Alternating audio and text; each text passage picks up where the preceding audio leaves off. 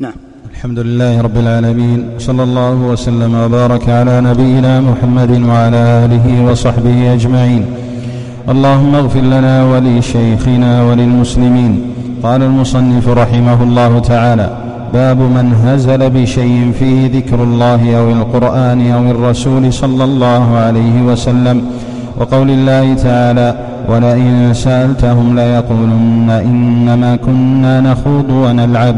وعن ابن عمر ومحمد بن كعب وزيد بن أسلم وقتادة دخل حديث بعضهم في بعض أنه قال رجل في غزوة تبوك ما رأينا مثل قرائنا هؤلاء أرغب بطونا ولا أكذب ألسنا ولا أجبن عند اللقاء.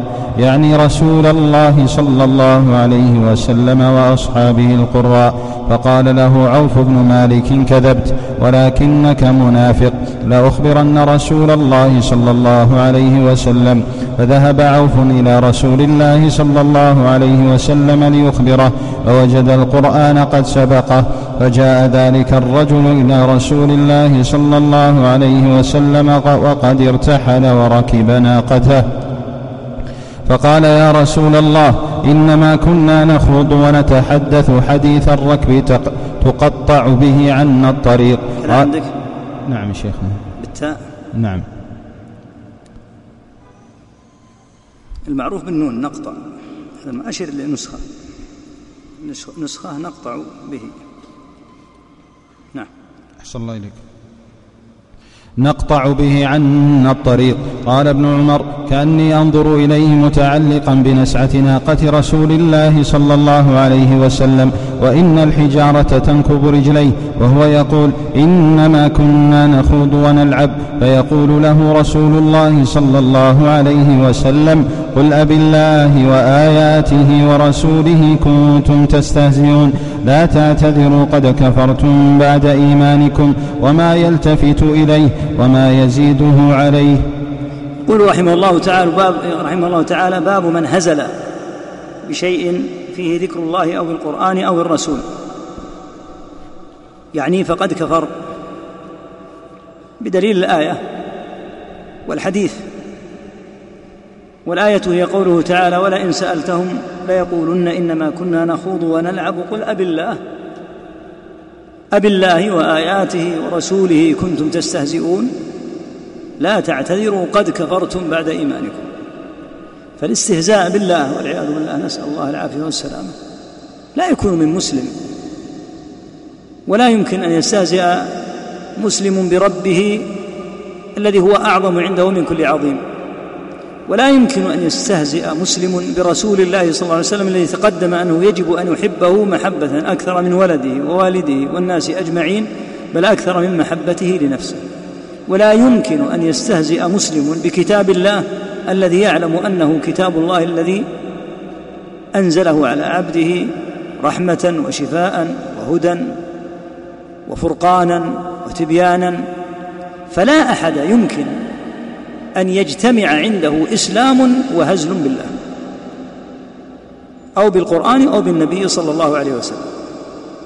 فمن وقع في ذلك وهو مسلم انتقل إلى حد المرتدين بلا أدنى شك. وهكذا سب الله سب الله ورسوله.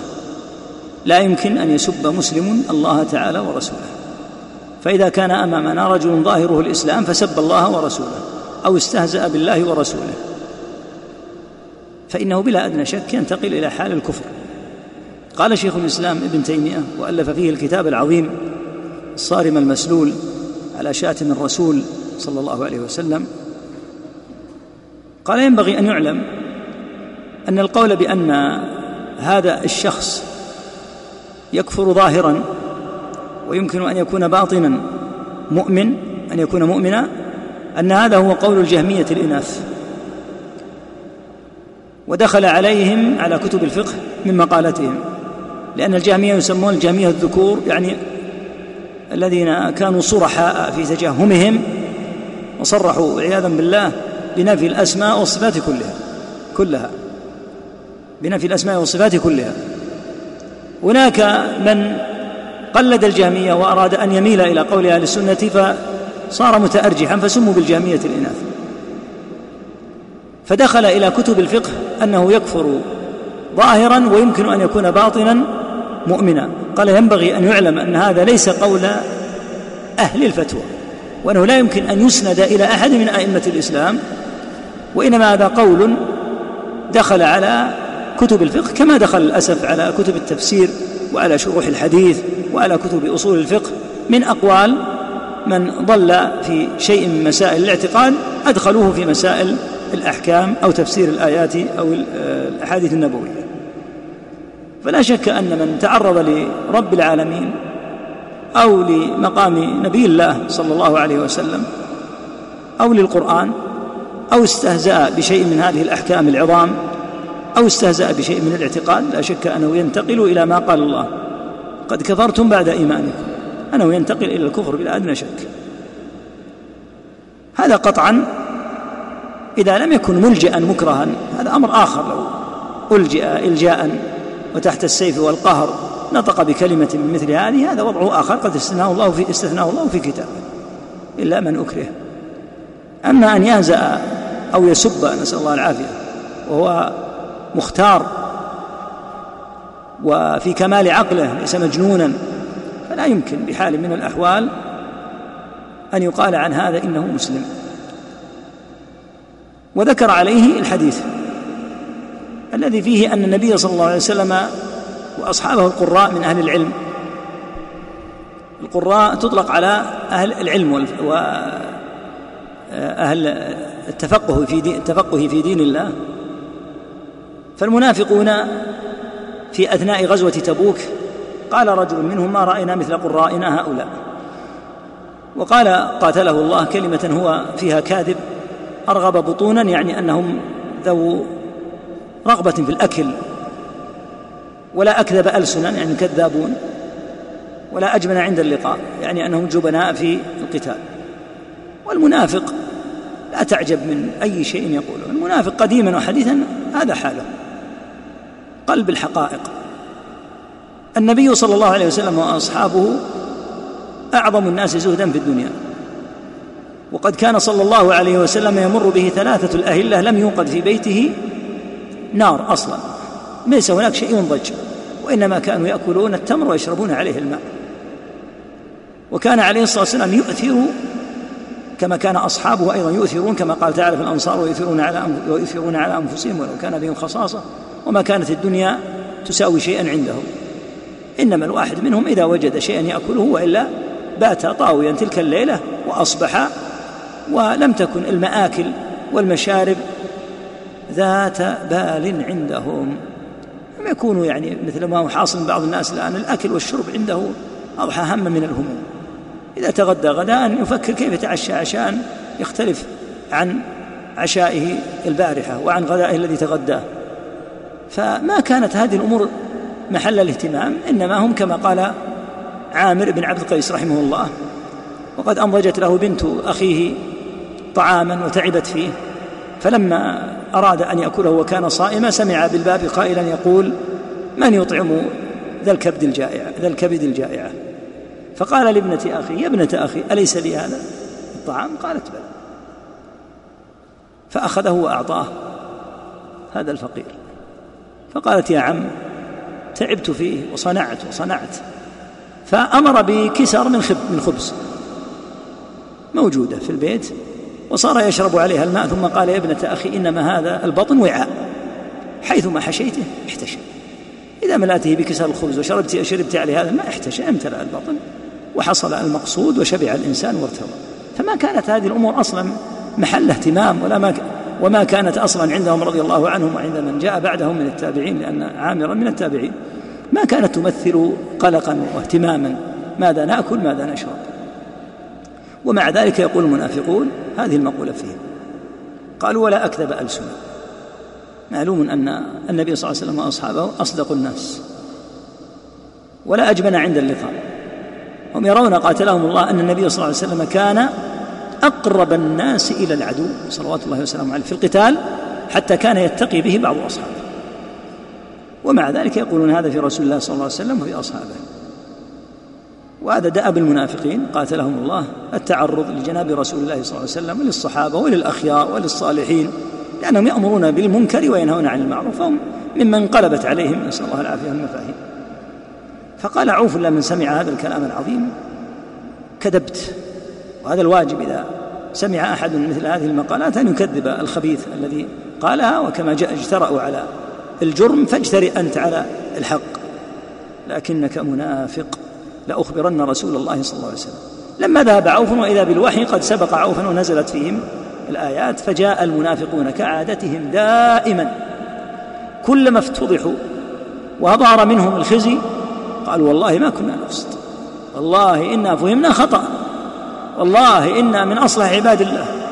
ولكن قلنا هذا الكلام وفهم الناس منا خطأ وإلا فنحن صلحاء ومؤمنون. وبعضهم يقول أبي كان كذا وكذا ونحن نصلي وأنا اعتمرت وأنا دائما هذه طريقة المنافقين. إذا تورطوا واتضح بلاؤهم بدأ يدافع عن نفسه على طريقته. فجاء وصار يعتذر إلى النبي صلى الله عليه وسلم. ما اعتذاره يقول يا رسول الله الآن ذهاب من المدينة إلى تبوك في شدة الحر ومسيرة شهر كامل. عناء شديد. إنما كان حديث الركب. نقطع به عنا الطريق طريق طويل وإنما كنا فقط مجرد مزاح. أما أن نكون قاصدين لا لا على الله. ما يمكن أن نقصدك ونقصد أصحابك الكرام. هذه طريقة المنافقين.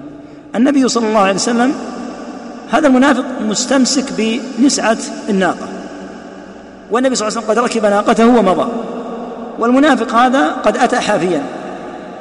والحجر ينكب رجليه مستمسكا يعتذر للنبي صلى الله عليه وسلم النبي أمره الله في الآية بأن يقول هذه الكلمة قل أب الله وآياته ورسوله كنتم تستهزئون لا تعتذروا قد كفرتم بعد إيمانكم. فالنبي صلى الله عليه وسلم يطبق ما أمره الله به كلما قال المنافق هذا قال له أب الله وآياته ورسوله كنتم تستهزئون لا تعتذروا قد كفرتم بعد إيمانكم.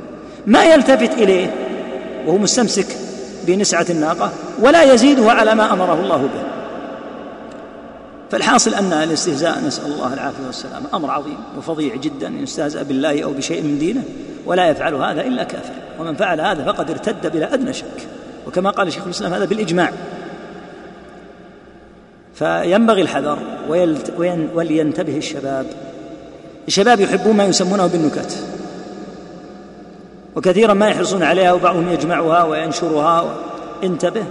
لا تقلها بلسانك ولا تنقلها في جوالك ولا في غيرها شيء يتعلق بالله أو رسوله أو القرآن العظيم أو شيء من الأحكام كالاستهزاء بشيء من الصلاة أو شيء من أعمال الحج أو الاستهزاء بعقيدة من العقائد أو شيء من الجنة أو النار فإن المرء يكفر مكانه نسال الله العافيه والسلام فليحذر المؤمن مثل هذه الأمور ولتكن هذه الأمور مواضع ليست موضع مواضع مجاملة وليعلم أن الاستهزاء نسأل الله العافية يكون باللسان ويكون بالكتابة ويكون بالرسم ويكون بالتمثيل.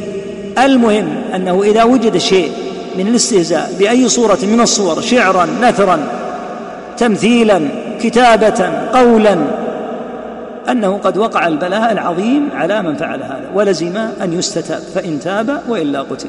نعم. صلى الله إليكم باب قول الله تعالى ولئن أذقناه رحمة منا من بعد ضراء مسته ليقولن هذا لي قال مجاهد هذا بعملي وأنا محقوق به وقال ابن عباس رضي الله عنهما يريد من عندي وقوله تعالى قال إنما أوتيته على علم عندي قال قتادة على علم مني بوجوه المكاسب. وقال آخرون على علم من الله أني له أهل. وهذا معنى قول مجاهد أوتيته على شرف. وعن أبي هريرة رضي الله عنه أنه سمع رسول الله صلى الله عليه وسلم يقول إن ثلاثة من بني إسرائيل أبرص وأقرع وأعمى فأراد الله أن يبتليهم فبعث إليهم ملكا فأتى الأبرص فقال أي شيء أحب إليك؟ قال لون حسن وجلد حسن ويذهب عني الذي قد قدرني الناس به. الذي قد قدر قدرني الناس به. قال فمسحه فذهب عنه قدره قدره فأعطي لونا حسنا وجلدا حسنا. قال فأي المال أحب إليك؟ قال الإبل أو البقر شك إسحاق فأعطي ناقة عشرا وقال بارك الله لك فيها. قال فأتى الأقرع فقال أي شيء أحب إليك؟ قال شعر حسن ويذهب عني الذي قد قدرني الناس به فمسحه فذهب عنه وأعطي شعرا حسنا فقال أي المال أحب إليك؟ قال البقر أو الإبل فأعطي بقرة حاملا قال بارك الله لك فيها فأتى الأعمى فقال أي شيء أحب إليك؟ قال أن يرد الله إلي بصري فأبصر به الناس فمسحه فرد الله بصره فقال قال فأي المال أحب إليك قال الغنم فأعطي شاة والدا. فأنتج هذان وولد هذا فكان لهذا واد من الإبل ولهذا واد من البقر ولهذا واد من الغنم. قال ثم إنه أتى الأبرص في صورته وهياته فقال رجل مسكين قد انقطعت بي الحبال في سفري فلا بلاغ لي اليوم إلا بالله ثم بك. أسألك بالذي أعطاك اللون الحسن والجلد الحسن والمال.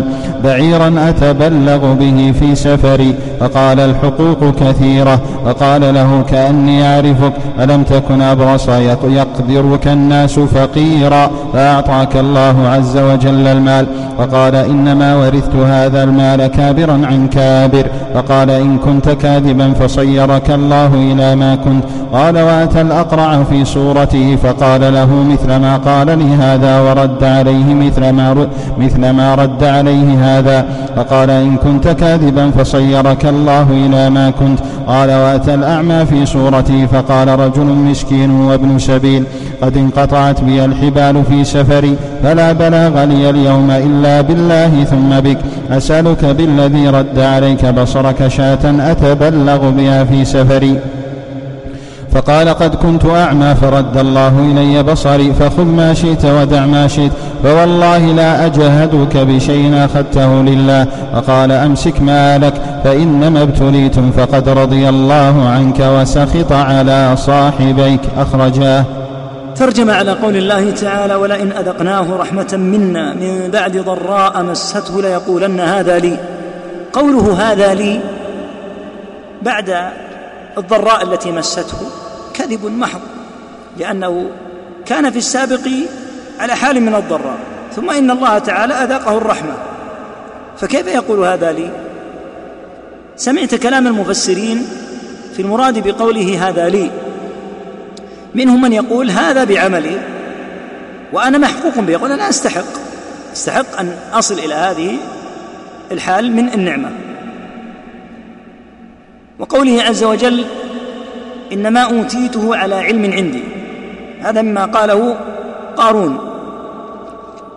قال قتادة على علم مني بوجوه المكاسب يعني أنه أني رجل ذو فهم وذو دراية وذو علم لست مثل هؤلاء الذين لا يفهمون طرق البيع والشراء فأنا رجل ذو دراية بناء عليه وصلت إلى ما وصلت إليه وصلت إليه ففي النهاية المسألة راجعة إلي أنا هذا المعنى.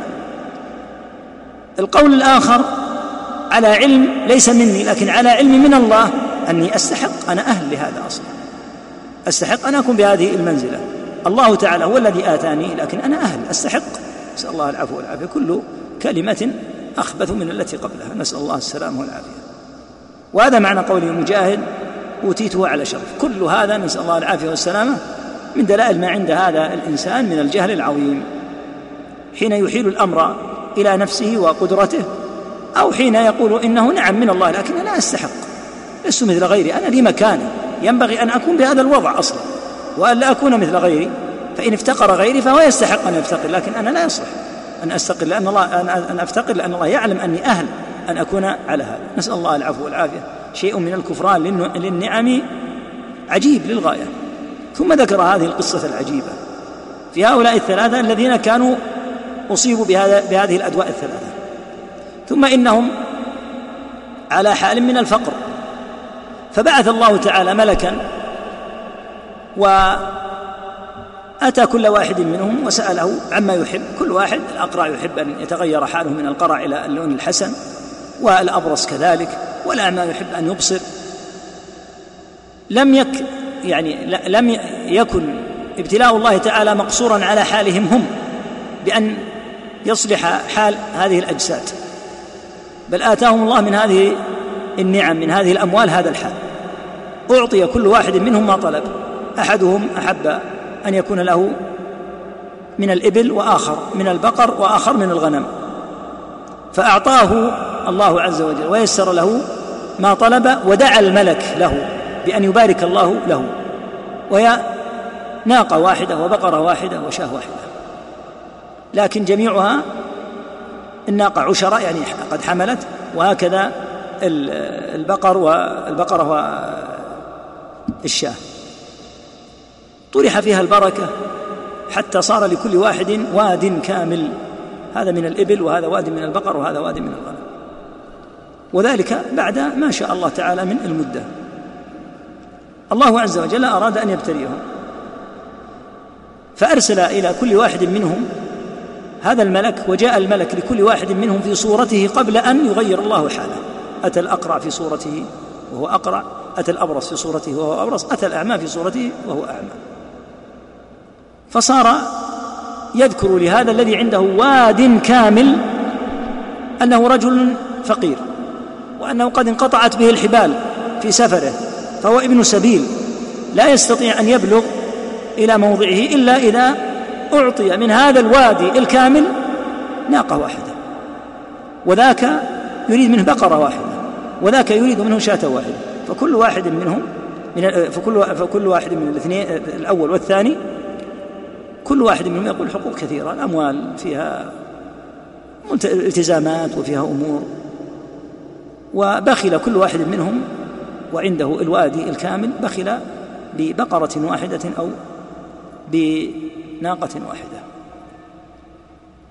كل واحد منهما يرى هذا المسكين في نفس صورته السابقة ولم يعتبر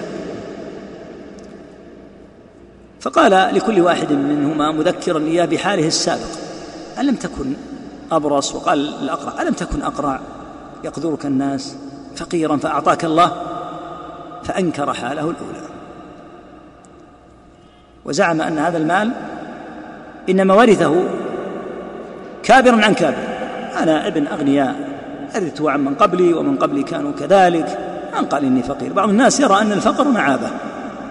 ويرى أنه لا ينبغي أن يذكر عنه أنه كان في قرية وأنه كان يعيش في حال من شظف العيش. وأنا حياتي حياة الأغنياء ما رأيت مثل هذا. ولا يقر لله عز وجل بالنعمة التي بدلها تعالى عليه. فدعا الملك على كل واحد منهما إن كان كاذبا وهو كذلك كاذب أن يحيله الله إلى ما كان عليه في السابق. والظاهر والله أعلم أن دعوته استجيبت. الأعمى لما رآه بهذا الحال أقر أول ما أقر بأنه كان في السابق أعمى فأكرمه الله تعالى بالبصر وأنه كان فقيرا. فأغناه الله وأعاد الأمر إلى الله ولم يقل كابرا عن كابر وإنما أقر لله عز وجل. قال أنت تريد شاة واحدة؟ خذ ما شئت من هذا الوادي كاملا والله لا أجهدك اليوم من شيء أخذته لله. ما دام شيئا سيخرج الله لا يمكن أن أقول لك في العدد هذا شيئا. خذ ما تشاء. فقال أمسك مالك فإنما ابتليتم. فقد رضي عنك وسخط على صاحبك وسخط على صاحبك. نسأل الله العفو والعافية. فهذا مثال على أن العبد ينبغي أن يتواضع لله عز وجل وأن المؤمن ينبغي أن يجعل ما مر به من النكبات والمصائب والأمراض والفقر مستحضرا دائما أمام عينه. تأمل قول الله تعالى لنبيه صلى الله عليه وسلم ألم يجدك يتيما فآوى. إيش قال بعدها؟ شوف اليتيم نفسه إيش قال لاحقا؟ وأما اليتيم فأما السائل فلا تنهر وأما اليتيم فلا تقهر. فأما اليتيم فلا تقهر. فأما اليتيم فلا تقهر وأما السائل فلا تنهر وأما بنعمة ربك فحدث حدثوا بنعمة الله. تحدثوا بنعمة الله عليكم. عندكم أمن عندكم إسلام عندكم عقيدة صحيحة عندكم بفضل الله ومنته أمن. والله ما اكتسبنا الأمن هذا بحولنا وقوتنا. إنما أمن من رب العالمين لا من حولنا ولا من قوتنا ولا من نباهاتنا ولا من فطنتنا. أمن عجيب. أمن في هذه الجزيرة. إذا ركبت الطائرة يا أخي تأمل. تقطع بعض الأحيان أكثر من ألف كيلو. هذه الفيافي من الذي أحل فيها الأمن؟ إلا الله رب العالمين. والله لو عندك جنود بعشرات ومئات الألوف كيف يحمون هذا المكان الشاسع الواسع؟ كم في البلدان من المجرمين المتربصين الذين كسر الله تعالى شوكتهم بفضله ومنته وكرمه وجوده وإحسانه؟ فنتحدث بنعم الله عز وجل ونحيل الأمر في هذا لله لا لقوتنا ولا لنباهتنا. ولا لفطنتنا. وهكذا ما آتانا الله عز وجل من هذه النعم نتحدث بها ونحدث أبناءنا بما كان في السابق من فقر مما أدركناه أو مما أدركه آباؤنا. تأمل ما كتبه المؤرخ بن عيسى عن هذه البلاد. كيف كان أهلها في السابق؟ يموتون في الطرقات جوعا. وأنه في هذا العام أكل الناس القطط والكلاب من الجوع. هذا الذي تسمعه الآن في دول كان عندك هنا. وذهب عامة الناس إلى العراق. فروا يريدون شيء فيه أكل وشرب. ما الذي جعل هذا الأمن يحل لولا الله ثم نعمة هذا التوحيد؟ وإلا فالجزيرة كانت في حال من الاضطراب قرونا متطاولة. والله تعالى وعد أهل التوحيد وعدا في كتابه. وعد الله الذين آمنوا منكم وعملوا الصالحات ليستخلفنهم في الأرض. كما استخلف الذين من قبلهم. وليمكنن لهم دينهم الذي ارتضى لهم. وليبدلنهم من بعد خوفهم أمنا. لما؟ يعبدونني لا يشركون بي شيئا. هذه نعمة التوحيد. لا نعمة فطنتنا, فطنتنا ولا ذكاءنا ولا نباتنا. التوحيد نعمة. إذا أكرم الله العباد بالتوحيد فتح عليهم أبواب الرزق. ولو أن أهل القرى آمنوا واتقوا لفتحنا عليهم بركات من السماء والأرض. النفط أيها الإخوة النفط ما يحيط به في الأرض البشر وهم يطؤونه ولا يدرون ما الذي فيه ليقضي الله امرا كان مفعولا. فلما انتشر هذا التوحيد بفضل الله ومنته هذه البلاد التي كان أهلها في حال من الجوع وشظف العيش ما جاءهم الرزق من حدائق غناء ولا من فواكه. انبع الله تعالى هذا النفط بفضله ومنته في قدر مقدور أراده تعالى. والذي عنده تعالى خير وأبقى. فنعمة التوحيد لا نفرط فيها. لا نقول لنأمن ولنأكل ونشرب. لا والله. فإن هذه تأتي تبعا ولكن لنطيع الله ابتداء. فإذا أطعنا الله وأرضيناه فتح تعالى أبواب الرزق. على العبد أن يحدث بنعمة الله. ليس إذا نجح قال هذا كد الليالي. هذا لاني نبيه. لست مثل هؤلاء الذين لا يحسن. يقرأ ويذاكر ساعات طوال أنا أذاكر جزءا من الساعات وأنجح وآخذ درجات نعم. لا تقل هذا الكلام. والله لقد رأينا طلابا من أفضل الطلاب يسلم لك الورقة لا يسلمها مثل أضعف الطلاب. لأن الله تعالى إذا شاء لم يمكنك مع ذكائك وفهمك حتى من الجواب في تلك اللحظة. لا لا لا تحل الأمور إليك. أعد الأمور إلى نعمة الله عز وجل وتحدث بها وأظهر هذا. يقول النبي صلى الله عليه وسلم إن الله لا يرضى عن العبد يأكل الأكل فيحمده عليه ويشرب الشرب فيحمده عليه تحدثوا بنعم الله وأحيلوا النعمة إلى الله عز وجل وما بكم من نعمة فمن الله. هكذا ينبغي أن نعود أنفسنا ونعود أبناءنا وفي هذه القصة معتبر معتبر لمن يعتبر والنبي صلى الله عليه وسلم إنما حدث بها لنتعظ. نعم. صلى الله عليكم. باب قول الله تعالى فلما آتاهما صالحا جعل له شركاء فيما آتاهما. قال ابن حزم رحمه الله اتفقوا على تحريم كل اسم معبد لغير الله كعبد عمرو وعبد الكعبة وما أشبه ذلك حاشا عبد المطلب. وعن ابن عباس رضي الله عنهما في الآية قال لما تغشاها آدم حملت فأتاهما إبليس فقال إني صاحبكما الذي أخرجتكما من الجنة. لتطيعاني أو لأجعلن له قرني أيل فيخرج أو, أو لأجعلن له أو, ليج أو لأجعلن له قرني أيل نعم. فيخرج من بطنك فيشقه ولا أفعلن ولا أفعلن. يخوفهما. سمياه عبد الحارث. فأبى أن فأبيا أن يطيعاه. فخرج ميتا. ثم حملت فأتاهما أيضا فقال مثل قوله وأبيا أن يطيعاه فخرج ميتا ثم حملت فأتاهما فذكر لهما فأدركهما حب الولد فسمياه عبد الحارث. وذلك قوله تعالى جعل له شركاء فيما آتاهما. وله بسند صحيح عن قتادة قال شركاء في طاعته ولم يكن في عبادته وله بسند صحيح عن مجاهد في قوله لئن آتيتنا لئن آتيتنا صالحا قال أشفق ألا يكون إنسانا وذكر معناه عن الحسن وسعيد وغيرهما. هذه الآية وهي قوله تعالى فلما آتاهما هكذا بالتثنية صالحا جعلا بالتثنية. له شركاء فيما آتاهما بالتثنية. تكلم عليها المفسرون لأن أول الآية هو الذي خلقكم من نفس واحدة وجعل منها زوجها ليسكن إليها. فلما تغشاها حملت حملا خفيفا لأن الحمل في بدايته خفيف فمرت به. فلما أثقلت لأن المرأة إذا تقدم بها الحمل صار ثقيلا دعوا بالتثنية. دعوا الله ربهما بالتثنية. لئن آتيتنا صالحا لنكونن من الشاكرين. فلما آتاهما صالحا جعل له شركاء فيما آتاهما. هذه خمسة مواضع فيها التثنية. لا شك أن المقصود بالتثنية أول الآية. أول الآية. خلقكم من نفس واحدة وجعل منها زوجها. آدم وحواء. أولا قال ابن حزم اتفقوا على تحريم كل اسم معبد لغير الله مثل عبد الحسين عبد علي عبد عمرو عبد الكعبة كل هذا لا يجوز وإنما يقال عبد الله وعبد الرحمن وأسماء الله عز وجل هي التي يعبد لها. يقول حاشا عبد المطلب يعني عبد المطلب, عبد المطلب ليس مما يدخل في هذا.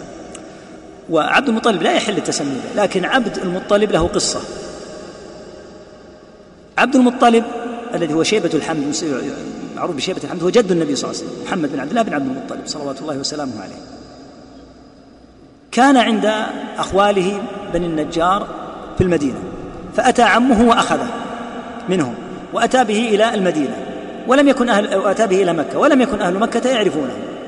فمن آثار السفر ومن آثار آه، الشمس كان قد شحب وجهه وتغير. فلما جاء عمه قيل من هذا معك؟ استحى أن يقول ابن أخي. فقال هذا عبدي. فقالوا هنيئا لك. يعني أنا عبد من عبيد كأن اشتراه أو فسمي عبد المطلب لأن جد عمه هو المطلب. والحقيقة أنه لم يكن عبدا لكن بعد ذلك ساد قريش وصار سيد قريش. لأنهم عرفوا أنه ليس عبدا له لكن استحى لأنه لم يهيئه ولم يغسله ولم كان في حال من الشعث فاستحى أن يقول هذا ابن أخي. أتيت به من المدينة ولا من يثرب ولكنه عبدي. يقول لأن لهذا الاسم قصة لكن هل يصح أن يقول يسمي أحد ابنه عبد المطلب؟ لا قطعا. لأن المطلب إنسان فلا يعبد الإنسان لا للمطلب ولا لعلي لكن ابن حزم كان يقول عبد المطلب هذا له خبر له قصة. هذه هذا هو حال ولكن لا يحل أن يعبد لا لعبد المطلب ولا لغيره. الآية قال ابن عباس فيها رضي الله عنهما إن المراد بها آدم وحواء لما تغشاها حملت. فأتاهما إبليس فقال إني صاحبكما الذي أخرجتكما من الجنة. لتطيعنني أو لأجعلن له قرني؟ أيل يعني سيكون لهذا الجنين قرني أيل فإذا خرج من بطنك شقة. يخوفهما. فمرتين متواليتين يأبيان أن يسمياه بعبد الحارث. والمقصود بعبد الحارث هو. أن يسمى بالحارث الشيطان. قال في الثالثة أدركهما حب الولد. فسمياه عبد الحارث فقال الله تعالى جعل له شركاء. لهذا قال قتادة شركاء في طاعته وليس في عبادته. يعني ما عبد معاذ الله إبليس ولكن أطاعاه لأنه أدركهما حب الولد أحب أن يخرج الولد حيا. فسمياه عبد الحارث فذلك قوله جعل له شركاء. قال وبسند صحيح عن مجاهد فلئن آتيتنا صالحا قال أشفق أن لا يكون إنسانا. من أهل العلم من قال إن هذه القصة لا يمكن أن تصح وإنها من الإسرائيليات ولا يحل أن يعتقد في آدم مثل هذا. لكن الحقيقة بالنظر إلى ما ذكرته من التثنية في الآية قد حصل شيء لا شك قد حصل شيء ما. لهذا قال ابن كثير أول الآية في آدم وآخرها في ذريته لأن آخرها ما هو؟ فتعالى الله عما يشركون بالجمع. قال هذا هو إشراك العبادة. أما ما وقع من الطاعة لإبليس في هذه التسمية فهذا بسبب إدراك حب الولد لهما. وقال بعضهم إن هذا لا يليق ولا يمكن أن يكون من نبي ونحو ذلك لكن ظاهر الآية أن ثمة أمرا وقع من آدم عليه الصلاة والسلام ومن حواء فبناء عليه قال تعالى جعل له شركاء فيما آتاهما التثنية هنا في آدم وحواء قطعا وقول بعض المفسرين كابن كثير رحمه الله إن أول الآية في آدم ثم انتقل من النوع إلى الجنس مثل ما في سورة تبارك. الحقيقة أن الذي عليه ابن عباس رضي الله عنه وطبقة أصحابه ومن بعدهم أن ثمة أمر وقع من آدم لأن الله تعالى ذكر في بدايته أمر آدم هذا هو الصحيح. فالحاصل أن هذا ليس شركا في العبادة معاذ الله لكن أدركهما كما قال حب الولد فسمي هذه التسمية فعلى كل حال لا تصح التسمية بتعبيد لغير الله. والنبي صلى الله عليه وسلم قد غير كل كل اسم معبد لغير الله في أصحابه. جميع الصحابة الذين كانوا عبدت أسماءهم لغير الله كعبد عمرو عبد شمس كثير كثير كان يغير صلى الله عليه وسلم هذه الأسماء. نعم. أحسن الله إليكم. باب قول الله تعالى ولله الأسماء الحسنى فادعوه بها وذروا الذين يلحدون في أسمائه. ذكر ابن أبي حاتم عن ابن عباس رضي الله عنهما قول يلحدون في أسمائه أي يشركون. وعنه رضي الله عنه سموا اللات من الله والعزى من العزيز وعن الأحمش يدخلون فيها ما ليس منها نعم باب لا يقال السلام على الله. باب, أحسن الله إليكم. لا يقال السلام على الله. في الصحيح عن ابن مسعود رضي الله عنه قال كنا إذا كنا مع النبي صلى الله عليه وسلم في الصلاة قلنا السلام على الله من عباده. السلام على فلان وفلان. فقال النبي صلى الله عليه وسلم لا تقولوا السلام على الله. فإن الله هو السلام. نعم. باب قول باب قول قول لا لا باب خذوا قاعدة يا أخوة في موضوع الباب. ما يكون قابلا للإضافة. اسمين متواليين. باب قول. فيمكن فيه الإضافة.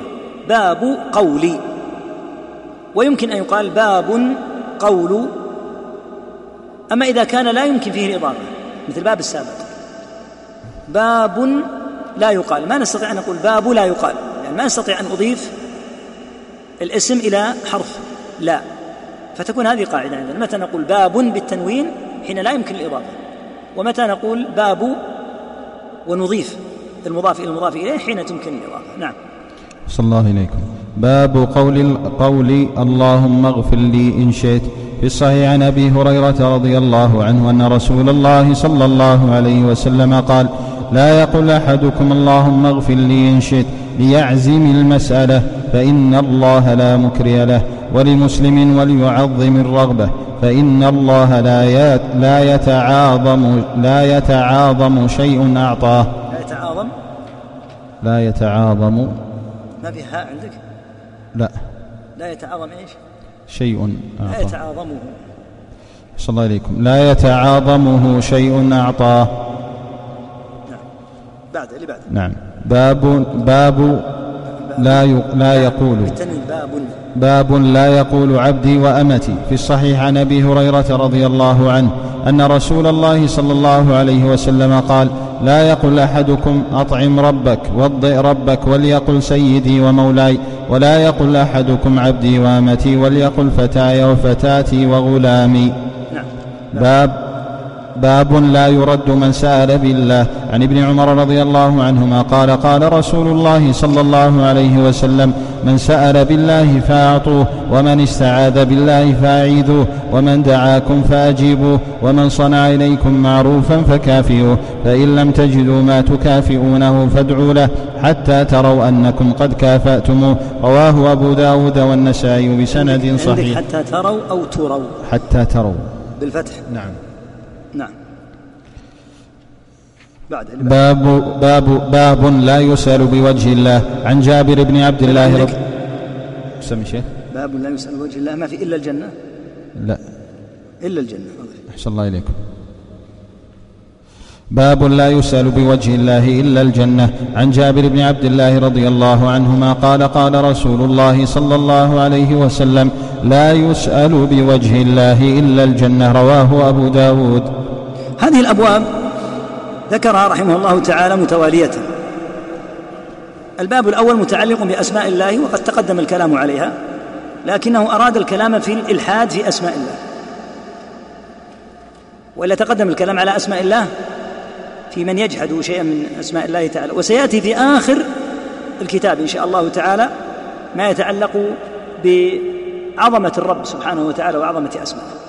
مراده فيما يظهر الإلحاد في أسماء الله الوارد في قوله تعالى وذروا الذين يلحدون في أسمائه بعد أن قال تعالى ولله الأسماء الحسنى فادعوه بها قال وذروا الذين يلحدون ما المراد بالإلحاد؟ الإلحاد يعني قد تجد بعض أهل العلم مثل ابن القيم ابن تيمية يقول وهذا إلحاد من فلان. وسبحان الله شيخ الإسلام يقول إن فلان هذا وإن كان من المبتدعة. ملحد لا يؤمن بالله. الإلحاد هو الميل. لكن في العرف, في العرف الأخير صار يطلق الملحد على من لا يقر بوجود الله. فبعض الطلاب إذا قرأ كلاما أن قال وهذا إلحاد منه. قال معناه أن يقول إنه لا يقر بوجود الله. الإلحاد كما عندك في الآية. وذروا الذين يلحدون في أسماء. أصل الإلحاد هو الميل. الميل. ومنه سمي اللحد في القبر. لأن القبر إذا شق وأتي إلى موضع الجنازة ميل بالموضع الذي تجعل فيه الجنازة. فسمي باللحد لأنه مائل عن سمت القبر. فالإلحاد هو الميل. الذي يميل في أسماء الله وصفاته. كيف يميل؟ الميل في أسماء الإلحاد. في أسماء الله متنوع. ما الطريق المستقيم في أسماء الله وصفاته طريق رسول الله صلى الله عليه وسلم. أثبت الله نثبت. نفى الله ننفي. عندنا أسماء مثبتة. السميع البصير العزيز الحكيم. وإذا أثبتنا اسما نثبت معه صفته السميع يثبت له السمع العزيز يثبت له العزة الحكيم تثبت له الحكمة وهكذا. المنفي. ننفي ما نفى الله. ننفي عن الله النوم التعب الظلم مما نفاه الله تعالى عن نفسه. هذا الطريق المستقيم. الإلحاد أن تعكس المسألة فتأتي إلى ما أثبت الله فتنفيه هذا إلحاد ميل لأن الله يثبت وأنت تنفي أو العكس. تأتي إلى ما نفى الله فتثبته مثاله المشبهة الله تعالى نفى أن يكون له مثل. المشبهة يقولون صفات الله مثل صفات المخلوق. الله نفى المثل. وأنتم تثبتونه والمعطلة من المعتزلة والجهمية والأشعرية والماتريدية فعلوا العكس. أتوا إلى ما أثبت الله فنفوا. فيسمى هذا إلحادا ويسمى هذا إلحادا لأن الطريق المستقيم أن تثبت ما أثبت الله. كما أنك الآن تقول صلاة الصلوات الخمس واجبة. هذا الطريق المستقيم لأن الله قال أقيموا الصلاة. الخمر محرمة لأن الله قال فاجتنبوها فتحرم ما حرم الله. هذا الطريق المستقيم. توجب ما أوجب الله. هذا الطريق المستقيم. فمن عكس وقال ما أوجب الله ليس بواجب وما حرم ليس بمحرم. ما, حرم الله ليس بمحرم. ماذا فعل؟ ألحد. مال. هذا في الأحكام واضح. كذلك في الأسماء والصفات. فالإلحاد فيها متنوع. وذكر أهل العلم أن له خمسة أن له صورا خمسة. من ضمنها ما ذكرت أن تثبت ما نفى الله أو تنفي ما أثبت الله. ومنها ما ذكر هنا. أن يطلق على المعبودات شيء من أسماء الله. فاللات قال بعض أهل العلم إنهم اشتقوا اسم اللات وسموه بهذا الاسم من اسم الله تعالى الإله واسم العزى من اسم الله العزيز. وهكذا. وقال الأعمش في المعنى بالإلحاد يدخلون فيها ما ليس منها وهذا صحيح أيضا هذا نوع من الإلحاد. أن تسمي الله بما لم يسمي به نفسه وتصف الله عز وجل بما لم يصف به نفسه هذا إلحاد. لأنك تسمي الله بما لم يسمي به نفسه. والطريق المستقيم أن تسمي الله بما سمى به نفسه أو سماه به رسوله صلى الله عليه وسلم. وتصف الله بما وصف الله به نفسه أو وصفه به رسوله صلى الله عليه وسلم. لكن أن تسمي الله أنت ما يصح. مثل ما يسمي النصارى الرب عز وجل بالأب ما يصح. وهكذا تسميات يطلقها الفلاسفة وغيرهم على الله عز وجل كلها ما تصح. وهذا من الإلحاد. هذا مراده رحمه الله. الباب الذي بعده في الصحيح عن ابن مسعود رضي الله عنه أنهم كانوا إذا صلوا مع النبي صلى الله عليه وسلم قالوا السلام على الله من عباده السلام على فلان وفلان يعني من الملائكة فقال النبي صلى الله عليه وسلم لا تقولوا السلام على الله لا يليق أن يسلم عليه لماذا؟ تدعو ما معنى السلام عليكم أنت الآن قلت السلام عليكم أنت تبث على هؤلاء أمرا متعلقا بالسلامة تدعو لهم بالسلامة أو تقول أنتم سالمون لأن السلام هذا واضح أنك الله عز وجل يدعى له. سبحان الله لا يدعى الله لا يدعى لله بل الله عز وجل هو الذي يدعى أن ييسر السلام والعافية والسلامة فنهاهم صلى الله عليه وسلم قال لا تقولوا السلام على الله فإن الله هو السلام. فهذا من التنبيه أيضا على الأغلاط التي تكون في اللسان. كذلك الحال في الباب الذي بعده. باب قول اللهم اغفر لي إن شئت. ما حكمه؟ في الصحيح عنه عليه الصلاة والسلام قال لا يقولن أحدكم اللهم اغفر لي إن شئت. وقوله لا يقولن أحدكم اللهم اغفر لي إن شئت مثال وإلا كذلك لا يقول اللهم اهدني لا يقول اللهم أصلح ذرية لا يقول اللهم اهدني إن شئت اللهم أصلح ذريتي إن شئت اللهم ارزقني إن شئت اللهم وفقني إن شئت. لا تجعل في هذا الدعاء المشيئة المشيئة هنا في هذا الموضع ليست بصواب. وهناك مسألة متكررة في الناس الآن. وأنهم إذا سمعوا لك بمولود ماذا يقولون مباشرة؟ الله يصلحه إن شاء الله. كثيرة في الناس. مثلها يا أخوة. الله المستعان. دعونا نذكر مثال لعله مثلها الآن لو تلاحظ عددا غفيرا من المصلين. والله المستعان. أنا أقصد الشيء بالشيء يذكر. عجب. فينا أشياء يعني تفشو فينا لو نقول ما حكم الحركة التي لا حاجة ما ينبغي. لاحظ الآن إذا كبر الناس ماذا يقولون؟ الله أكبر. أليس كذلك؟ أنا أعجب سبحان الله من هذه الحركة. عجبت من عجبا تاما. تلاحظ المسجد قد يكون فيه المئات من المصلين. ساعة يكبرون كلهم بهذا الشكل. وعند الرفع من الركوع نفس الوضع. وعند القيام نفس الوضع. حتى إن الجاهل قد يظنها إيش؟ شاف هذه الوجوه الطيبة إيش إيش؟ أنا سنة من الصلاة. كأنها سنة. أمر عجيب يعني يفشو في الناس شيء بعض الأحيان. يقلدوا حتى أن الإنسان الذي يتعودها لو تطبق الآن بدأ من انت عرفت عرفت أن هذه حركة لا معنى لها. الآن ساعتك بصلاة العشاء ستلاحظ أنك تحتاج أن يعني تمسك نفسك مثل هذه الحركة. يفشو في الناس ويشيع في الناس أشياء ليس لها وجه. فيقول الإنسان ما حكم؟ قول اللهم اغفر لي لا يجوز. طيب ما حكم أن تقول لمن تزوج تزوجت الله يوفقك إن شاء الله. نفس الشيء. أو المولود الله يصلحه إن شاء الله. نفس الوضع. المقصود ألا تذكر المشيئة عند الدعاء. لما؟ لسببين.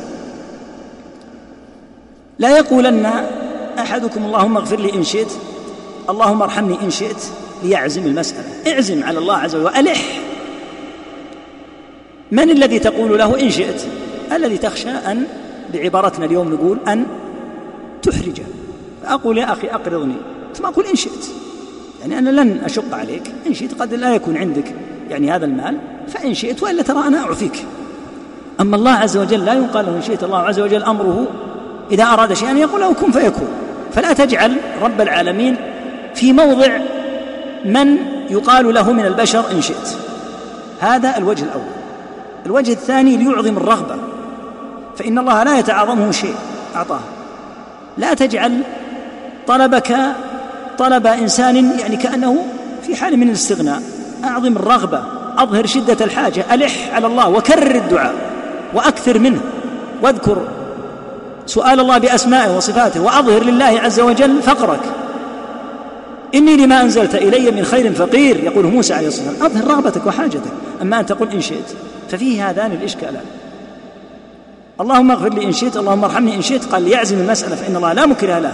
الذي يقال إن شئت هو الذي يمكن أن يكره أو تخشى عليه يعني يتصور فيه الإكراه. أما الله تعالى لا يكره سبحانه وبحمده. وهكذا أظهر الرغبة والحاجة والإلحاح. الباب الذي بعده لا يقول عبدي وأمتي. لا شك أن الإنسان إذا اشترى بماله رقيقا أن هذا الرقيق يكون مملوكا له وله أحكام ملك اليمين. النبي صلى الله عليه وسلم قال لا يقول أحدكم يعني وهو سيد قد ملك هذا آه، الغلام أو هذه الجارية. لا يقول أطعم ربك يعني إذا أردت أن يأتي لك بالطعام لا تقل أطعم ربك. وضئ ربك وليقل سيدي ومولاي أطعم سيدك أطعم مولاك. وهكذا في هذا في في عندما يخاطب المولى المملوك. وهكذا يقول لا يقول أحدكم عبدي وأمتي وليقل فتاي وفتاتي وغلامي. هذا من باب الاختيار الأجدى والأحسن في الكلمة. لكن هل يصح أن يقول عبدي؟ لا بأس إن شاء الله. لكن المختار أن يقول فتاي وغلامي وفتاتي فهي أطيب وأبعد لأن كلمة عبدي هناك عبودية لله عز وجل. وهي غير مقصودة قطعا هنا. لكن العبودية ذكر ذكر اسم العبد هنا من باب أنه يملكه. فقال عبدي وقال آه، أمتي لكن يقول الأولى أن يقال فتاي وفتاتي. فهذا من باب يعني الأدب في الألفاظ. الباب الذي بعده لا يرد من سأل بالله. السؤال بالله أمر عظيم وليس كالسؤال العادي. إذا جاء سائل وسألك وقال لك أنا رجل فقير وحالتي كذا الأجدى والأحسن أن تعطيه شيئا. لا يذهب هذا السائل ولو تعطيه ريالا واحدا. يحسن أن لا ترده إلا بشيء. رد السائل ولو بظلف محترق. فإذا قال لك أسألك بالله عظم السؤال في هذه ولهذا ذكروا أن القاسم بن محمد أتاه أشعب. يقول أشعب كان القاسم بن محمد رحمه الله يبغضني في الله وكنت أحبه في الله. يبغضني في الله لأنه يظني يظن أني من المرجئة وما أنا منهم يقول فدخلت عليه مرة في بستانه فقال ما الذي أدخلك في بستاني؟ اخرج. فقلت أسألك بالله قنوا. يعني يريد عذق. فقال يا غلام أعطه ما طلب فإنه سأل مسألة يعني سأل بالله عز وجل سؤالا لا يرد من سأل. لأن إذا قال لك أسألك بالله مسألة عظيمة جدا عظم عليك المسألة. لهذا قال لا يرد من سأل بالله. فإذا كنت تقدر حتى لو تقول أنا لن أعطيه شيء لكن إذا قال لك أسألك بالله أعطه وإن كنت تنوي ألا تعطيه. لأن السؤال بالله عظيم جدا. ولهذا لما سأل رجل الزبير رضي الله عنه قال أسألك بالله. ضربه قال سألت بالله ألا سألت بحق مخلوق. السؤال بالله عظيم جدا ولهذا من الأخطاء يا أخوة الآن الشائعة عندنا. إذا أراد أحد قلم وش يقول لك؟ بالله القلم. يا أخي لا تسأل بالله القلم القلم أمر يسير. لا تسأل بالله إلا أمرا عظيما بالله القلم. بالله كم الساعة؟ لماذا تسأل بالله؟ تسأل بالله كم الساعة؟ أنا سأعطيك الخبر بدون أن تسألني. بالله كم الساعة؟ بالله أعطني القلم بالله قرب لي الماء. لا ينبغي أن يسأل بالله إلا في أمور عظام يا إخوة. فالسؤال بالله أمر عظيم جدا لأنه إذا سألك بالله عظم عليك المسألة. هنا قال باب لا يرد من سأل بالله. وفي الحديث من استعاذ بالله فأعيده. شخص قال أنا أعوذ بالله أعيد هذا الذي استعاذ برب العالمين سبحانه وتعالى. ومن سأل بالله فأعطوه. سألك بالله؟ اعلم أن السؤال بالله ليس كالسؤال العادي. إذا جاء شخص وقال لك أنا رجل فقير أعطني. المستحب الأجدى الأحسن أن تعطيه لكن سألك بالله أعطه ولا ترده. وليس المعنى أن تعطيه آلاف الريالات. أنت لو تعطيه مبلغا يسيرا حققت أنك أعطيته سؤلا. ومن دعاكم فأجيبوا يعني في الوليمة. إذا لم يكن فيها محذور شرعي فإنك تجيب وليمة عرس أو غيرها. ومن صنع إليكم معروفا فكافئوه. صنع إليك معروفا كافئوا على معروفه. ينبغي أن تكون أن تبادر المعروف بمعروف مثله. فإن لم تجدوا ما تكافئوه. قد تعجز أن تكافئ هذا الشخص. فادعوا له حتى تروا يعني حتى تظنوا. وإذا قيل حتى تروا يكون الأمر يعني على سبيل الجزم حتى تعلم.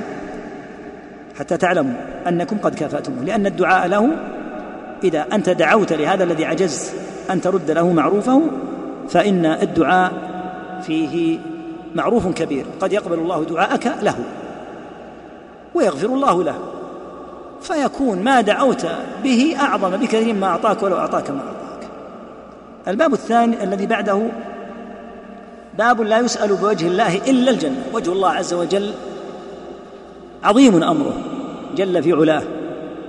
وينبغي أن يجلى سبحانه وتعالى عن أن يسأل به مثل ما ذكرنا قبل قليل القلم ولا الورقة ولا قرب لي الماء ونحو ذلك. وجه الله أعظم وجه سبحانه وبحمده. فلا يسأل بوجه الله إلا أمر عظيم جدا. والحديث الحقيقة ضعفه بعض المحدثين لكن ورد حديث حسنه العراقي رحمه الله ملعون من سأل بوجه الله. وملعون من سئل بوجه الله ثم منع السائل ثم منع سائله. ما لم يسأل هجرا. إذا سأل وطلب شيئا باطلا فيقول أسألك بالله أن تشاركني في الذهاب إلى هذا الموضع الذي فيه الباطل والفساد والفجور.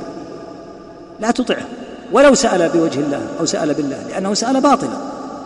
فما لم يسأل هجرا فأعطه سؤله. لكن من سأل بوجه الله أمرا دونيا فقد تعرض لهذا الوعيد. وهكذا من سئل بوجه الله عز وجل فإنه ينبغي أن يلاحظ الأمر. أنه إذا سئل بوجه الله تعالى أن يهتم للأمر إكراما لوجه الله تبارك وتعالى وإكراما وإجلالا لرب العالمين. قوله هنا لا يسأل بوجه الله إلا الجنة قلنا إن بعض أن يعني عددا من المحدثين ضعفوه. وقيل المراد لا تسألوا أحدا مراد لا تسأل لا, يسأل بوجه الله إلا الجنة. يعني لا تسألوا أحدا من الخلق بوجه الله. لأنه لا يسأل بوجه الله إلا الجنة والخلق لا يملكون إعطاءك الجنة. وقيل إن المراد لا تسأل الله شيئا من أمور الدنيا بوجهه ولا تسأل الله بوجهه إلا الجنة. ولكن مثل ما ذكرنا الحديث قال بعض أهل العلم إن فيه مقالا. سم نعم. صلى الله إليكم قال المصنف رحمه الله باب ما جاء في اللو. وقول الله تعالى يقولون لو كان لنا من الأمر شيء ما قتلنا هاهنا. وقوله تعالى الذين قالوا لإخوانهم وقعدوا لو أطاعونا ما قتلوا. بالصحيح عن أبي هريرة رضي الله عنه أن رسول الله صلى الله عليه وسلم قال احرص على ما ينفعك واستعن بال عندك احرص بالفتح الراء؟ احرص أحسن الله إليكم. احرص على ما ينفعك. واستعن بالله ولا تعجزن. وإن أصابك ولا تعجزن ولا ولا تعجزن بالكسر. آه بالفتح شيء نعم واصل. وإن أصابك شيء فلا تقل لو أني فعلت كذا لكان كذا وكذا ولكن قل قدر الله وما عندك؟ نعم بالتشديد. أنا أذكر شيخنا ابن باز رحمه الله يقول الأولى قدر الله يعني تصح يصح الوجهان لكن كأنه يرجح آه، المصدر. قدر الله. نعم. ولكن قل قدر الله وما شاء فعل فإن لو تفتح عمل الشيطان. يقول رحمه الله باب ما جاء في اللو يعني في حرف لو. لخصت لك ما قاله العلامة الشيخ ابن عثيمين رحمه الله. لأن ثمة نصوصا. حقيقة جاءت في حرف لو. متى يمنع من قول لو؟ ومتى يصح أن يقال لو؟ ذكر رحمه الله ستة وجوه نقتصر على خمسة منها. المراد بقول المصنف رحمه الله باب ما جاء في اللو. أولا المصنف لم يبت الحكم كما تلاحظ. لم يقل مثلا من الشرك لبس الحلقة مثل ما تقدم. وإنما قال باب ما جاء فيه. لأن لو على صور. فلا تستطيع أن تمنعها كلها ولا تستطيع أن تبيحها كلها. والمراد بقوله باب ما جاء في اللو أي باب ما جاء في هذا اللفظ وهو لو ومناسبته للكتاب. من أي ناحية؟ أنه يؤتى بلو في كثير من الأحيان للاعتراض على القدر. استعمال لو على عدة وجوه أكثرها ممنوع. فإذا استعملت لو للاعتراض على الشرع كقول المنافقين لو أطاعونا ما قتلوا. قال المنافقون يوم أحد. لأنهم رجعوا قاتلهم الله. لما خرجوا مع النبي صلى الله عليه وسلم في الجيش رجعوا فلما أصيب المسلمون يوم أحد قالوا لو أطاعونا يعني ولم يطيعوا رسول الله صلى الله عليه وسلم ما قتلوا. وهذا اعتراض على الشرع لأن النبي صلى الله عليه وسلم هو الذي أمر بالخروج. لا شك أن هذا محرم. النوع الثاني الصورة الثانية أن يؤتى بلو للاعتراض على القدر. لو كانوا عندنا ما ماتوا. الذين قالوا لإخوانهم يعني إذا كانوا غزا فحصل لهم. الوفاة قالوا لو كانوا عندنا ما ماتوا وما قتلوا. فلما مات أولئك قالوا لو كانوا عندنا وما ذهبوا وقد قدر الله أن يذهبوا. فهذا اعتراض على القدر فلا يحل أيضا. إذا جيء جيء بلول الندم والتحسر فهذا أيضا محرم. كما في الحديث الآتي إن شاء الله تعالى وإن أصابك شيء فلا تقل لو أني فعلت كذا. النوع الرابع أن يؤتى بلو للتمني ما حكم الإتيان بلو للتمني لا تستطيع أن تبت لأنه لا بد أن تفصل. يعني الصور السابقة محرمة. الحكم فيها حسب ما تتمنى. إن تمنيت خيرا فهذا خير. وإن تمنيت شرا فهو شر. ودل عليه الحديث إنما الدنيا لأربعة نفر. منهم الرجل آتاه الله مالا فصار ينفقه في الخير في وجوه الخير معنى الحديث. فقال رجل لو أن لي مثل مال فلان. لصنعت في المال مثل ما صنع يعني من الخير. فهما بنيتهما في الأجر سواء. الصنف الثالث من يؤتيه الله مالا فلا يتقي الله تعالى في هذا المال وإنما يعبث ويعصي الله فيه. يأتي رابع فيقول لو أن لي مثل مال فلان هذا العاصي بماله لفعلت فعله. فهما في الوزر سواء بالنية. اذا حسب التمني فإن تمنى خيرا فلو هنا في بابها ومستحسنة وإن تمنى شرا فمردودة ومرفوضة لأنه تمنى الشر. الوضع الأخير أن تستعمل في الخبر المحض فتجوز. فتقول لأحد من الشباب لو أنك حضرت عند أهل العلم لانتفعت وعرفت الشرع ولعل الله أن ينفع بك لاحقا لو أنك حضرت سليم ما في إشكال. تقول له أنك في حال حضورك فستنتفع. وحمل بعضهم عليه قوله صلى الله عليه وسلم لو استقبلت من أمري ما استدبرت لما سقت الهدي. أنه على سبيل الخبر المجرد. وقال الشيخ محمد رحمه الله أن يحتمل أن يكون الحديث من باب التمني أيضا فيدخل في القسم الثالث في القسم الرابع. لعلنا نواصل إن شاء الله في الباب في الأبواب. على أمل أن نتم الكتاب اليوم إن شاء الله تعالى ونحاول أن نجعل الأسئلة في الأخير. لأن إكمال الكتاب أهم من الجواب على الأسئلة. سم نعم. صلى الله إليكم. باب النهي عن سب الريح. وعن أبي بن كعب رضي الله عنه أن رسول الله صلى الله عليه وسلم قال لا تسبوا الريح فإذا رأيتم ما تكرهون فقولوا اللهم إنا نسألك من خير هذه الريح وخير ما فيها وخير ما أمرت به ونعوذ بك من شر هذه الريح وشر ما فيها وشر ما أمرت به صححه الترمذي.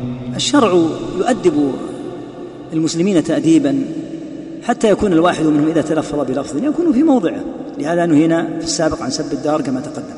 الآن الريح. هذه الريح مسخرة. قال تعالى في شأن هذه الريح وهو الذي يرسل الرياح بشرا بين يدي رحمته. ترسل من قبل رب العالمين ليست شيئا مستقلا حتى تسبه. فإذا سببت الريح فقد سببتها في الحقيقة بعد أن نفذ فيها قدر الله تعالى وأصابك منها ما أصابك من شيء تضررت به. والعاقل المؤمن العاقل إذا أراد أن يطلق الكلام يطلق الكلام على معاني سليمة بعيدة عن فعل أهل السفه والطيش. الريح خلق مدبر مخلوق مسخر. لا يمكن أن تتحرك ريح إلا بإذن الله عز وجل. لهذا نهينا عن سبها. الحقيقة أن سب الريح غلط نوع من الاعتراض على قدر الله حين سير هذه الريح سبحانه وتعالى. قال لا تسبوا الريح. فإذا رأيتم ما تكرهون لأن الإنسان قد يتضرر من الريح بإذن الله عز وجل. فقولوا اللهم إنا نسألك من خير هذه الريح وخير ما وخير ما فيها وخير ما أمرت به. ونعوذ بك من شر هذه الريح وشر ما فيها وشر ما أمرت به. هذا الشيء الذي ينفع أن تسأل الله من خيرها وتتعوذ بالله عز وجل من شرها. أما أن تسبها فهذا حقيقة أنها سفه وطيش مع ما فيه من الاعتراض على الله الذي أرسلها. نعم. أحسن الله إليكم. باب قول الله تعالى يظنون بالله غير الحق ظن الجاهلية. يقولون هل لنا من الأمر من شيء؟ قل إن الأمر كله لله. وقوله تعالى الظانين بالله ظن السوء عليهم دائرة السوء. قال ابن القيم رحمه الله في الآية الأولى فسر هذا الظن بأنه سبحانه لا ينصر رسوله وأن أمره سيضمحل وأن ما أصابهم لم يكن بقدر الله وحكمته. ففسر كذا عندك؟ نعم شيخنا لا ينبغي أن يضاف وفسر بأن ما أصاب تفسير ثاني. وفسر بأن ما أصابه لم يكن بقدر. الله صلى الله عليكم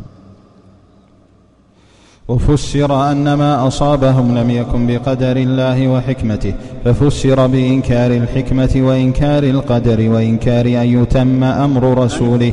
وإنكار أن؟ أن يتم كذا أمر. أن يتم. أحسن الله أن يتم أمر رسوله وأن يظهره على الدين كله.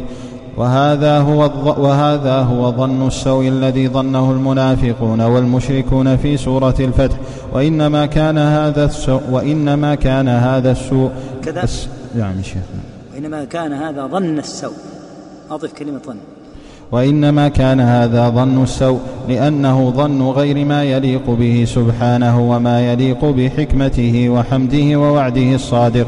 فمن ظن أنه يديل الباطل على الحق إدالة مستقره يضمحل معها الحق أو أنكر أن يكون ما جرى بقضائه وقدره أو أنكر أن يكون قدره لحكمة بالغة يستحق عليه الحمد.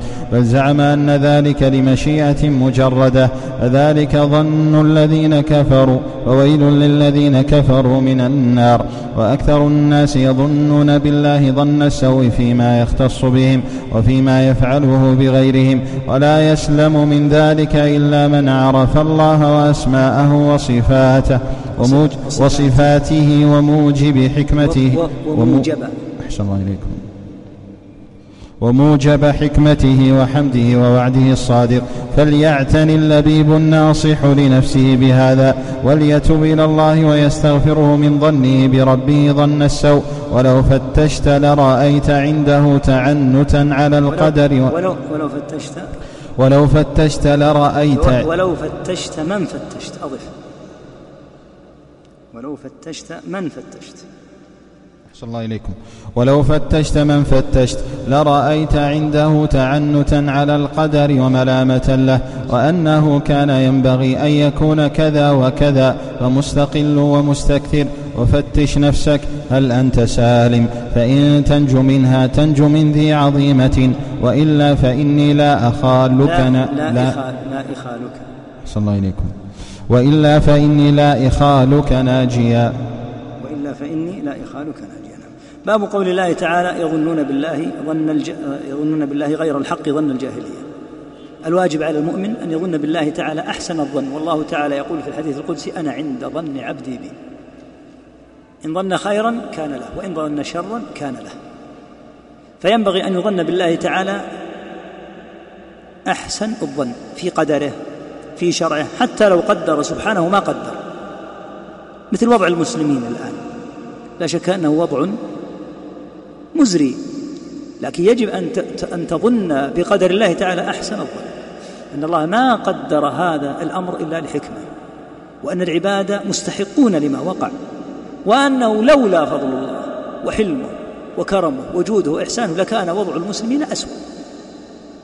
فالذي نستحقه أشد بكثير مما نحن فيه. وفيما نحن فيه من فضل الله وعفوه وحلم الشيء كثير. هكذا ينبغي أن نظن. أما أن يقول الإنسان كيف هل إسلام وآخر رسول ثم يقول لهم هذا؟ نعم إذا لم يقوموا بأمر الله كما أوجب فإن الله تعالى قال ولا ينصرن الله من ينصره. إن الله لقوي عزيز. ثم بينهم الذين إن مكناهم في الأرض أقاموا الصلاة وآتوا الزكاة وأمروا بالمعروف ونهوا عن المنكر ولله عاقبة الأمور. فإذا تخلفنا في مثل هذه الأمور وصار وضعنا بهذا الوضع الذي نحن فيه فنقول لولا فضل الله وكرمه وإحسان وجوده لكان وضعنا أسوأ. فنظن بالله تعالى أحسن الظن في قدره وفي شرعه إنه لم يشرع شيئا سبحانه وتعالى إلا على أكمل ما يكون وتمت كلمة ربك صدقا وعدلا كلمته الشرعية وكلمته القدرية هكذا يظن بالله تعالى. أما أن يظن بالله غير الحق كما يظن أهل الجاهلية فهذا ظن السوء. ولهذا حرمت الطيارة لأمور من ضمنها أنها سوء ظن بالله. واستحب الفأل لأنه حسن ظن بالله فينبغي أن نحسن ظننا بالله عز وجل. يظنون بالله غير الحق ظن الجاهلية يقولون هل لنا من الأمر من شيء؟ قل إن الأمر كله لله يخفون في أنفسهم ما لا يبدون لك يقولون لو كان لنا من الأمر شيء ما قتلنا هنا. اعتراض لما وقع في يوم أحد. قل لو كنتم في بيوتكم لبرز الذين كتب عليهم القتل إلى مضاجعهم الآية. فظن الجاهلية هو ظن السوء. ثم ذكر قول الله تعالى في سورة الفتح الظانين بالله ظن السوء عليهم دائرة السوء. يستحقون هذا لأنهم ظنوا بربهم ظن السوء فاستحقوا فاستحقوا دائرة السوء. وغضب الله عليهم ولعنهم وأعد لهم جهنم وساءت مصيرا هذا يدل على خبث سوء الظن بالله. نسأل الله العافية. كلام ابن القيم هذا كلام مستقيم وعظيم جدا وفيه ما عند هذا الرجل سبحان الله من البلاغة. وكلامه طويل جدا هو في زاد المعاد لكن المصنف رحمه الله تعالى الشيخ محمد اختصره وأعطاك زبدته. يقول في الآية الأولى يظنون بالله غير الحق ظن الجاهلية. فسر هذا الظن ظن الجاهلية بأنه سبحانه لا ينصر هذا الرسول الكريم وأن أمر هذا الرسول سيضمحل وينتهي. هذا تفسير لظن الجاهلية.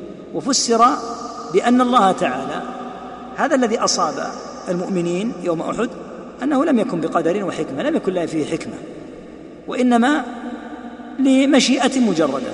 شاء هذا ولم يكن له فيه حكمة معاذ الله من ذلك. بل لله تعالى فيما وقع في بدر في أحد أبلغ الحكم. قال عز وجل أولما أصابتكم مصيبة قد أصبتم مثلها قلتم أن هذا يعني كيف يكون هذا؟ ونحن مسلمون وفينا رسول الله. قال تعالى قل هو من عند أنفسكم. يعني أنتم الذين تسببتم فيه. إن الله على كل شيء قدير. وما أصابكم يوم التقى الجمعان فبإذن الله وليعلم المؤمنين وليعلم الذين نافقوا. حكم حكم كثيرة جدا. فإذا قال أحد إن ما وقع لم يكن حكمة أو نفى القدر. إما أن ينفي القدر أن لم يقدره الله عز وجل نعوذ بالله فهذا كما سيأتينا في باب المنكرين القدر. أو أن يقول قدره الله لكن ليس لله فيما قدر حكمة إنما مجرد مشيئة.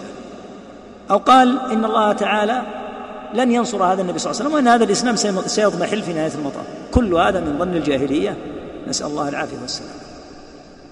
ثم قال رحمه الله تعالى وهذا هو ظن السوء الذي ظن المنافقون والمشركون في سورة الفتح. يعني في قوله تعالى الظانين بالله ظن السوء عليهم دائرة السوء. قال وإنما كان هذا ظن السوء لأنه ظن غير ما يليق به تعالى وما يليق بحكمته وحمده. فمن ظن أنه يديل الباطل على الحق إدالة مستقرة قد ينتصر أهل الباطل قد ينتصر أهل الباطل على أهل الحق في وقت. ثم إن الله يجعل العاقبة لأهل الحق إذا رجعوا إليه تعالى. لكن أن أن ينصر أهل الباطل نصرا مستقرا بحيث يضمحل الدين من اعتقد هذا فقد ظن بالله تعالى ظن السوء بل لم يعرف الله الحقيقة. من يظن هذا لا يعرف الله. يستحيل أن يكون هذا من رب العالمين بل العاقبة للمتقين. والنصر آتي بلا أدنى شك. لكن النصر له أسباب إذا حققت جاء الله تعالى بها. وإذا تأخر الناس المسلمون فيها أخر الله عليهم النصر حتى يؤوبوا ويعودوا إليه تعالى. أو أنكر أن يكون ما جرى بقضائه وقدره. يعني أنكر أن يكون الذي وقع أصلا مقدرا. أو أنكر أن يكون الذي قدره لحكمة بالغة. يستحق عليها الحمد ذلك مجرد مشيئة. شاءها وليس له فيها أي حكمة. فذلك ظن الذين كفروا فويل للذين كفروا من النار. ثم قال كلاما عظيما جدا وقال أكثر الناس يظنون بالله ظن السوء فيما يختص بهم هم وفيما يفعله بغيرهم ففيما يختص بهم. كثير من الناس غير راضي عن الله نسأل الله العافية والسلام. لا فيما قدره عليه في رزقه ولا فيما قدره عليه من بلاء. وتجد كما قال ابن القيم رحمه الله تعالى لو قدحت الزناد لتحدث كثيرون لكنهم ساكتون عن أنهم كالذين ظلموا والذين أتاهم ما لا يستحقونه وأن ما وصلهم من رزق وغيره كان ينبغي أن يكون أكثر. يقول هذا كثير من الناس هذا فيه موجود في في النفس مثل النار الكامنة. التي لو حركت لتحركت. يقول هذا يظنونه بالله فيما يخصهم هم ويظنونه بالله فيما يفعله بغيرهم. يقول الآن فلان هذا في عمري ودرس كما درست والآن وفق ورزق وتزوج وفتح عليه. لماذا يفتح الله تعالى عليه؟ وأنا لا يفتح عليه. يقول فيما يخص أنفسهم هم معترضون ومعترضون حتى على ما يصيب غيرهم من النعم. قال ولا يسلم من ذلك. من هو الذي يسلم من هذا؟ إلا من عرف الله وأسماءه وصفاته. وموجب حكمته بالفتح. الموجب بالفتح هو المسبب الناتج عن السبب يعني المقتضى. أما الموجب بالكسر فهو السبب الذي يقتضي الشيء بمعنى المقتضي. فالذي يعرف الله تعالى وأسماءه وصفاته والله لو فكر لعكس المسألة تماما. قال نحمد الله على ما نحن فيه. إذا تأملت قوله تعالى في كثير من الآيات القرآنية حين يذكر السمع والبصر والفؤاد ماذا يتبعها به؟ بقلة الشكر. قليلا ما تشكرون لعلكم تشكرون. أنت ممتع بسمعك. وفي العالم ما لا يحصيه إلا الله ممن لا يسمع ببصرك. وفي العالم من لا يحصيهم إلا الله ممن لا يبصرون. وبفؤادك. هذه النعمة العظيمة التي قد آتاك الله تعالى العقل لست مجنونا ولا مخبلا. لهذا يقول ابن سعدي رحمه الله إن الله يتبعها بالشكر لقلة ما تشكر هذه النعمة. كم تشترى به يا أخوة هذه النعمة؟ نعمة السمع والبصر والفؤاد. متى متى استحضرنا هذه النعم؟ قليلا ما نشكر كما قال تعالى قليلا ما تشكرون. جعل لكم السمع والأبصار والأفئدة. لعلكم تشكرون في واضع أخرى يقول قليلا ما تشكرون. أمور أخرى ما أنت فيه من العيش الذي أنت فيه. تأمل كما في الحديث انظروا إلى من هو أسفل منكم انظر إلى من هو في عمرك. قد أصابه من أنواع البلاء واللأواء ما شاء الله. وإن قلت أصابني كذا وكذا فانظر إلى من هو أشد منك إصابة. وإن قلت قد اجتمعت علي الإصابات في مالي وفي صحتي وفي آلي فانظر ما أكرمك الله تعالى به من الإسلام. وانظر إلى من قال الله تعالى فيهم إنهم إلا كالأنعام بل هم أضل سبيلا يتمتعون ويأكلون كما تأكل الأنعام والنار مثوى لهم إنما هي مجرد فترات يتقلبون في هذه الدنيا لا يغرنك تقلب الذين كفروا في البلاد متاع قليل ثم مأواهم جهنم. أنت على الإسلام وترجو الجنة وعلى السنة ليس عندك شرك فاحمد الله على هذه النعمة. ولو تأملت هذه النعم لاستحييت من الله عز وجل. ولكنت أبعد ما تكون عن أن تسيء بالله الظن.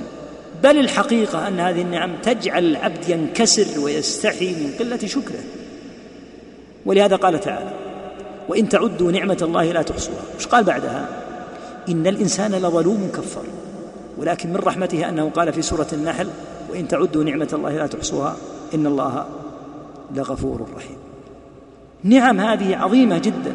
والإنسان لا يحصي هذه النعم ولكن من فضل الله تعالى أنه يرجى أن يغفر هذا القلة هذه القلة من الشكر. أنت في نعم وفي آلاء لا يحصيها إلا الله عز وجل. فكيف تتعنت على رب العالمين؟ لما بلغت هذا المقدار؟ لما لا أبلغ أكثر؟ أتدري أنك لو بلغت أكثر لقلت لماذا لا أبلغ أكثر وأكثر كما في الحديث لو كان لابن آدم واديان. من ذهب لابتغى ثالثا ولا يملأ جوف ابن آدم إلا التراب. فأنت إذا فتحت لنفسك الباب أولئك أكثر مالا مني أولئك أحسن حالا مني أولئك أكثر صحة مني أولئك أولئك. فلن تنتهي وستعيش في حال من السخط على ربك نسأل الله العافية. ومن سخط على الرب فليس له إلا السخط. أما إذا نظرت إلى نعم الله واستحضرتها فستستحي من قلة شكرك لرب العالمين. ولهذا يقول ابن القيم رحمه الله ولا يسلم من ذلك الاعتراض وظن السوء على الله في الله عز وجل. إلا من عرف الله وأسماءه وصفاته, وصفاته وموجب حكمته وحمده يقول فليعتني اللبيب الناصح لنفسه بهذا وليتب إلى الله وليستغفره من ظنه بربه ظن السوء. لأن النفوس قد يكون هذا كامنا فيها. يقول ولو فتشت من فتشت لرأيت عنده تعنتا على القدر وملامة له وأنه كان ينبغي أن يكون كذا وكذا ولم كان كذا وكذا. قال فمستقل ومستكثر. يعني الناس في هذا يتفاوتون. منهم من يقل هذا عنده ومنهم من هو كثير عنده. ثم قال رحمه الله وأسكنه الفردوس الأعلى. بعد ما انتهى وفتش نفسك. هل أنت سالم؟ يقول أنت الآن لو نظرت تأملت في الناس لوجدت أكثرهم عنده تعنتا في القدر وتأملت ثم عاد أرجع إلى نفسك هل أنت سالم أصلا من ظن السوء بالله؟ هل أنت سالم من أنك تقول لماذا فلان يبلغ هذا المبلغ وأنا لم أبلغه؟ لماذا أنا في هذا الحد وهذا المقدار؟ لما لا أكون أكثر؟ قل فتش نفسك أنت هل أنت سالم؟ ثم قال فإن تنجو منها. يعني من هذه الحالة السيئة حالة سوء الظن بالله تنجو من ذي عظيمة وإلا فإني لا إخالك لا أظنك ناجيا نسأل الله يكرمنا بحسن الظن به وهو على كل شيء قدير. كل شيخنا الشيخ راشد شوي. يقول يقول الشيخ راشد شوي بيجي. نكمل لين يجي. يعني بقي كم على الإقامة؟ أجل خلاص نضع بعض الأسئلة. سمع.